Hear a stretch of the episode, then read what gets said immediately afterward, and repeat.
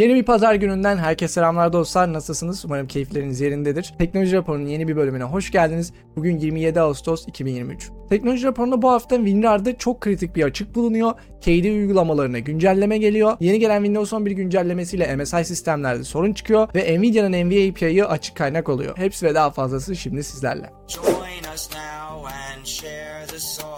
Geçtiğimiz hafta Fransa'nın tarayıcılara gömülü web site engelleme özelliği getirmek istediğini konuşmuştuk. Mozilla Vakfı bunun olmaması için bir kampanya başlattı. Herkes imzalayabiliyor. Destek olmak isterseniz imzalayabilirsiniz. Ben de imzaladım. Yani bu durum şu an Fransa'da oluyor olabilir ama bunun daha çok gündeme getirilmesi gerekli. Çünkü bir defa Fransa'dan geçerse diğer batılı ülkelere ve bize de geleceğini düşünebilirsiniz. KD'yi çift tıkla dosya veya klasör açmayı varsayılan hale getirdi. KD ile tanışmadan önce ben de varsayılan olarak çift tık kullanıyordum ama bence tek tık daha pratik. KD'nin argümanı ise burada yani biz komüniteyi inceledik, diğer dağıtımlara falan da baktık. Hani genel olarak insanlar çift tık kullanmayı tercih ediyor. Dolayısıyla varsayılanı tek tıktan çift tıka çıkardık demişler. Ki mantıklı ve doğru da hani birçok insan çift tıkı varsayılan olarak tercih ediyor. Ee, Windows'tan gelenler özellikle öyle alıştığımız için ama ben tek tık alıştığım için şu an mesela tek tık kullanıyorum. Sizi merak ediyorum acaba siz çift tıkçı mısınız yoksa tek tıkçı mısınız? Bitword'un uçtan uca şifrelenmiş bir şekilde proje secretlarınızı paylaşabileceğiniz bir yazılım yayınladı. Aslında şifre yöneticisindeki şifrelerinizi paylaşmak gibi ama biraz daha geliştiricilerin işine yarayacak şekilde değiştirilmiş. KD uygulamalarına yeni güncellemeler geldi. Dolphin'de artık sekmeye çift tıkladığınızda sekmeyi kopyalıyor. Kalender uygulamasının adı Merkür oluyor ve görünüş güncellemesi geliyor. Onun dışında bir sürü gelişme var. KD uygulamalarını kullanıyorsanız güncellemelerinizi yapın. Firefox kullanıcıları artık Chrome'daki eklentilerini geçiş yaparken aktarabilecek. Firefox yeni geçenler için çok güzel bir kolaylık sağlıyor. Yalnız şu an bu sistem bütün eklentiler için geçerli değil. Belli başlı eklentileri eğer ki Chrome'da kullanıyorsanız geçerken Firefox'a kopyalayabiliyorsunuz. Tabi kopyalayabileceğiniz eklentilerin sayısı gitgide artacaktır. Nvidia, Nvidia API ana reposunu açık kaynak yaptı. NVIDIA API, Ray Tracing, Reflex gibi bazı Nvidia teknolojileri kullanabilmenizi sağlayan bir yazılım. Bunun açık kaynak olması zamanla Linux oyunculuğuna da artı sağlayacaktır. Görünüşe göre OpenAI, ChatGPT'nin telif haklı içerikler üzerinden eğitildiğini saklamaya çalışıyor. Yapılan araştırmaya göre önceden verdiği bazı kitap alıntılarını yeni sürümlerine vermiyormuş. Demek ki bu yazarların bir şekilde dava etmesi hani OpenAI'yi korkutmuş olacak. OpenAI'da, BART'ta hani bunlar üzerinde eğitildi bence. Hani eğitilmemesi için bir sebep yok. E, saklamaya çalışıyorlar ama bakalım ne kadar saklayabilecekler, bakalım bu ortaya çıkacak mı? Ki ortaya çıksa bile bunun yaptırımı ne olacak? Bunların hepsi şu an büyük soru işaretleri. İlerleyen haberleri yine sizlerle paylaşacağım. Meta Seamless M4T adında yeni bir yapay zeka modeli duyurdu. Bu model hem metinden metne hem metinden sese hem de sesten sese çeviri yapabilecek 100 civarı dilde de çalışacağını açıkladılar. Bütün bu özelliklerin bir arada toplanması bence çok güzel bir şey ve işin içerisinde yapay zeka olduğu için üretilen sesler de daha gerçekçi olacak. Yani Google Translate'in yaptığı gibi robot olduğunu anlayacağınız bir ses de değil gerçek bir ses gibi gelebilir çünkü yapay zeka ile yapılıyor. Ama çevirinin kalitesi ne kadar iyi olacak onu da zamanla göreceğiz. Artık OpenAI GPT 3.5'e fine tuning yapmanıza izin veriyor. Bu da demek oluyor ki kendi işinize özel bir yapay zeka geliştirebilirsiniz. Böylece spesifik işiniz için GPT-4'ten bile daha iyi performans alabileceğiniz söyleniyor. Açıkçası benim de aklımda böyle bir iki fikir var. Fine tuning yapmak için bir yapay zeka fikri var böyle aklımda. Ama daha önceden hiç fine tuning yapmadım. Hani nasıl yapılıyor tabii bunun için bir dokümantasyon var takip ediyorsunuz ama e, daha önceden hiç yapmadım. Belki ilerleyen zamanlarda bir boş vakit oluşturabilirsem yapmayı düşünüyorum ben de. Yapılan bir araştırmaya göre yapay zeka kanseri teşhisten en az 3 yıl önce doğru bir şekilde tahmin edebiliyor. Şahane bir gelişme. Umarım bu tarz teknolojiler her yerde hepimizin yararlanabileceği bir şekilde kullanılır. WinRAR'da bulunan kritik bir açık nedeniyle RAR içerisindeki dosya eklentilerini olduğundan farklı gösterebiliyorsunuz. Yani bu açık siz JPG dosyasını açacağım derken sizi kandırıp bir script çalıştırmanıza neden oluyor. Çok büyük bir açık ve bu açının yani büyüklüğünü 7.8 olarak belirlemişler ama bence daha da fazla büyüklük açısından baktığınızda. Çünkü şöyle düşünün bir RAR dosyasını açıyorsunuz. O RAR dosyasında normalde .pdf, .jpg, .png yazıyor ama aslında değil ve siz tıkladığınız anda arka planda bir script çalıştırabiliyor. Çok büyük bir açık ve WinRAR'ı Windows'ta çok fazla kullanan insan var. Sırf alışkanlıktan dolayı WinRAR'ı indiren bir sürü insan var. Hani umarım siz WinRAR kullanıcısı değilsinizdir. Umarım 7-zip gibi bir şey kullanıyorsunuzdur. Çünkü genel olarak WinRAR benim bildiğim kadarıyla az güncellemede alan bir uygulama. Şimdi bu güvenlik açığının yaması gelmiş. Mutlaka WinRAR kullanıyorsanız bu güncellemeyi yapın. Ama eğer ki WinRAR kullanıyorsanız geçmişte açtığınız bir RAR dosyalarını da bir göz önüne getirin diyebilirim. Yani çünkü açtığınız herhangi bir RAR dosyasında açtığınız herhangi bir dosya virüs olabilir, script olabilir. Arka planda istemediğiniz bir script çalıştırmış olabilirsiniz. Çıkan başka bir habere göre bu WinRAR açığı Nisan'dan beri biliniyor ve bazıları tarafından kullanılıyormuş.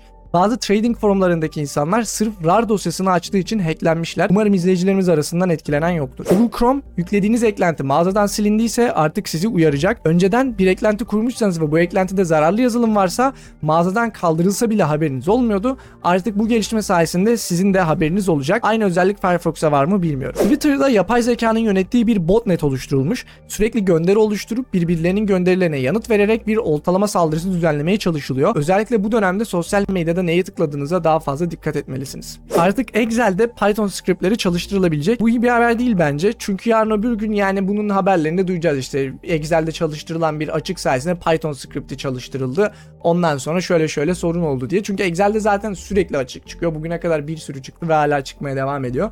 Yani bilmiyorum Python script'i de çalıştırmasaydı Excel.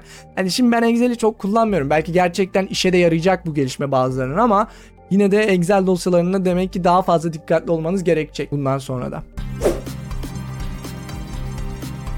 Geçtiğimiz aylarda TikTok'un Amerika Birleşik Devletleri'nin mahkemelerine çıktığını biliyorsunuz. Hatta bazı eyaletlerinde şu an yasaklandı bile TikTok. Ortaya çıkan bir anlaşmaya göre Amerika Birleşik Devletleri TikTok'un sunucularına erişebildiği takdirde davayı bırakacaklarını söylemişler. Hem davada Çin takip ediyor diye eleştiriliyor. Yani Çin'e bu tarz izinler veriyorsunuz diye eleştiriliyor.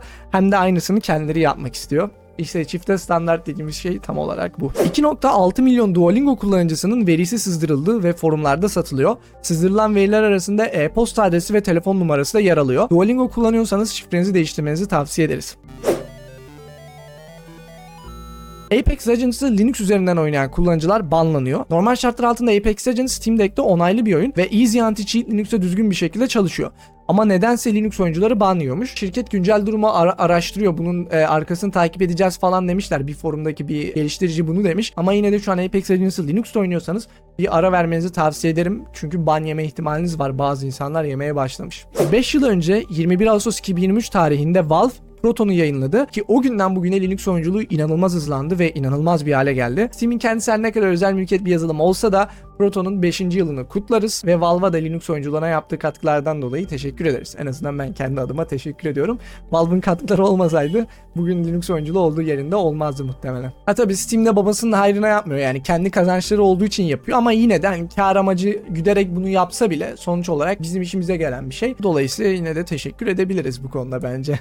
Microsoft'un Blizzard'ı satın almasındaki tek engel Birleşik Krallık Komisyonu ve artık bu işi bitirebilmek için Microsoft Blizzard'ın uzaktan oyun oynatma haklarını 15 yıllığına Ubisoft'a vermeyi teklif etti. Ubisoft Fransa asıllı bir şirket. Yani burada işte uzaktan oynatma haklarını Ubisoft'a veriyorum diyerek işi yumuşatmaya çalışıyor Birleşik Krallık tarafında. Ama işin ilginç yanı normal şartlar altında Microsoft bunu yapmayı istemez. Yani niye istesin? Gidecek çünkü karları e, Ubisoft'la paylaşmak zorunda kalacak. Bunu yapmayı hayatta istemez. Ama demek ki bunu yapıyorsa Blizzard işini bağlamayı çok çok istiyor. Artık hani bir sona yaklaşmayı istiyorlar burada. Epic Games'e özel bir oyun yayınlarsanız sizden 6 ay boyunca hiç kesinti almayacak. Yani kullanıcı 10 dolar ödediyse 10 dolar da size gelecek. Bu da oyun geliştiricilerini cezbeden bir durum olsa gerek. Ben platforma kilitlenen oyunları çok sevmiyorum açıkçası. Yani kullanıcı bence istediği yerden satın alıp oyna, oynayabilmeli. Bu hakkı kullanıcı isteyebilmeli mi isteyemez mi? Yani bu soru işareti tartışılır. Ama benim hoşuma gitmiyor sırf bir oyunun bir yerde kilitlenmesi. Mesela ben Detroit Become Human'ı çok oynamak istiyordum. İşte PlayStation'dan PC'ye gelene kadar çok çok uzun süreler e, geçti. 2 yıl 3 yıl geçti herhalde yanlış hatırlamıyorsam. Ama neyse hani günün sonunda bu kısa bir süreliğine olacaksa, sonsuza kadar olmayacaksa ve oyun geliştiricileri bundan para kazanacaksa daha fazla para kazanacaksa neden olmasın? Hadi belki o zaman olabilir diyelim. Sonuçta belli bir noktaya kadar da rekabet iyidir. Damn, son, where'd you find this? Twitter'da kişiyi bloklama özelliği kaldırılacak. Anladığım kadarıyla hala karşı tarafın tweetlerini susturma özelliğiniz var. Ama tamamen bloklama olayı kaldırılacak. Açıkçası ben bu tarz platformları kullanmadığım için ne tarz bir etkisi olur tam olarak bilmiyorum. Yani Twitter hesabım var ama aktif olarak kullanmıyorum. Yani yine de yıllardır bu bloklama özelliği bütün sosyal medya platformlarında var. Yani sadece Twitter özel değil. Bir ton sosyal medya platformunda bugüne kadar var olan ve var olmuş bütün sosyal medya platformlarında istediğiniz kullanıcıyı bloklayabiliyorsunuz. Yani bu gelen bir özellik. Elon Musk neden özellikle böyle geleneksel şeyleri de kaldırmak istiyor bilemiyorum. Yani kendisine nedeni sorulduğunda e, ekran görüntüsünden de göreceğiniz üzere saçma demiş. Yani insanları bloklama özelliği saçma bence. Dolayısıyla kaldıralım demiş.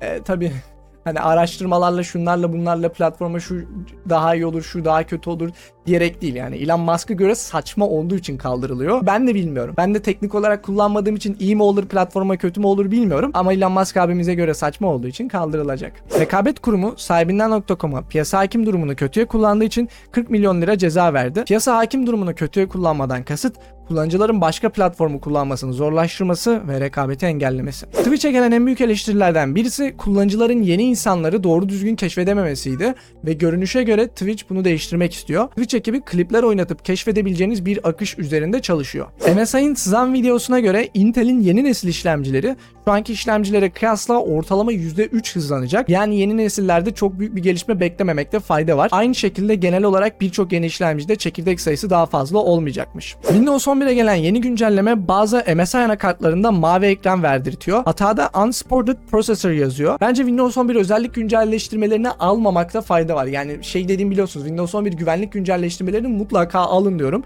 Hatta her ay güvenlik güncelleştirmelerini burada özellikle söylüyorum ki yapmayı unutan varsa yapsın. Ama Windows 11'in özellik güncelleştirmeleri de çok sıkıntılı. Yani her güncellemede belli başlı sistemsel bir sorun yaşanıyor. Bir işte File Manager'da bug oluyor, bir yavaşlık oluyor, bir SSD'de sıkıntı yaşatıyor. İşte bir bazı anakartlarda mavi ekran verdirtiyor falan. Eğer ki yapabiliyorsanız Windows 11'in özellik güncelleştirmelerini bir ay sonra yapın ama yine güvenlik güncelleştirmelerini alın. Bunun olmasını sağlayan belli başlı işte programlar, yazılımlar vardı diye biliyorum. Evet dostlar bu haftaki teknoloji raporunda sonuna geldik. Her zaman olduğu gibi haberler hakkında ve yorumlarım hakkındaki düşüncelerinizi aşağıda bekliyor olacağım. Teknoloji raporunu podcast olarak takip etmek isterseniz sevdiğiniz podcast uygulamalarında teknoloji raporu diye aratabilirsiniz veya açıklamalardan podcast bağlantısına tıklayabilirsiniz. Teknoloji raporunun bu bölümü hoşunuza gittiyse videoyu beğenip arkadaşlarınızla paylaşmayı unutmayın. Özellikle teknolojiyle ilgilenen arkadaşlarınız varsa videoyu ve kanalı paylaşırsanız çok sevinirim. Yeni gelen içeriklerden de haberdar olmak için kanala abone olup çana basabilirsiniz. Ve teknoloji raporunun bu bölümünü bitirmeden önce yanında gördüğünüz katıl üyelerime de destekleri için teşekkür etmek istiyorum. Prototürk, Gökhan Bey, Sinan Sarıkaya, Süzel Linux Enterprise Server, Alpa Potemkin, Furkan Karataş, Murat Çabuk, Taner Gergül, Egen Kılıçarslan,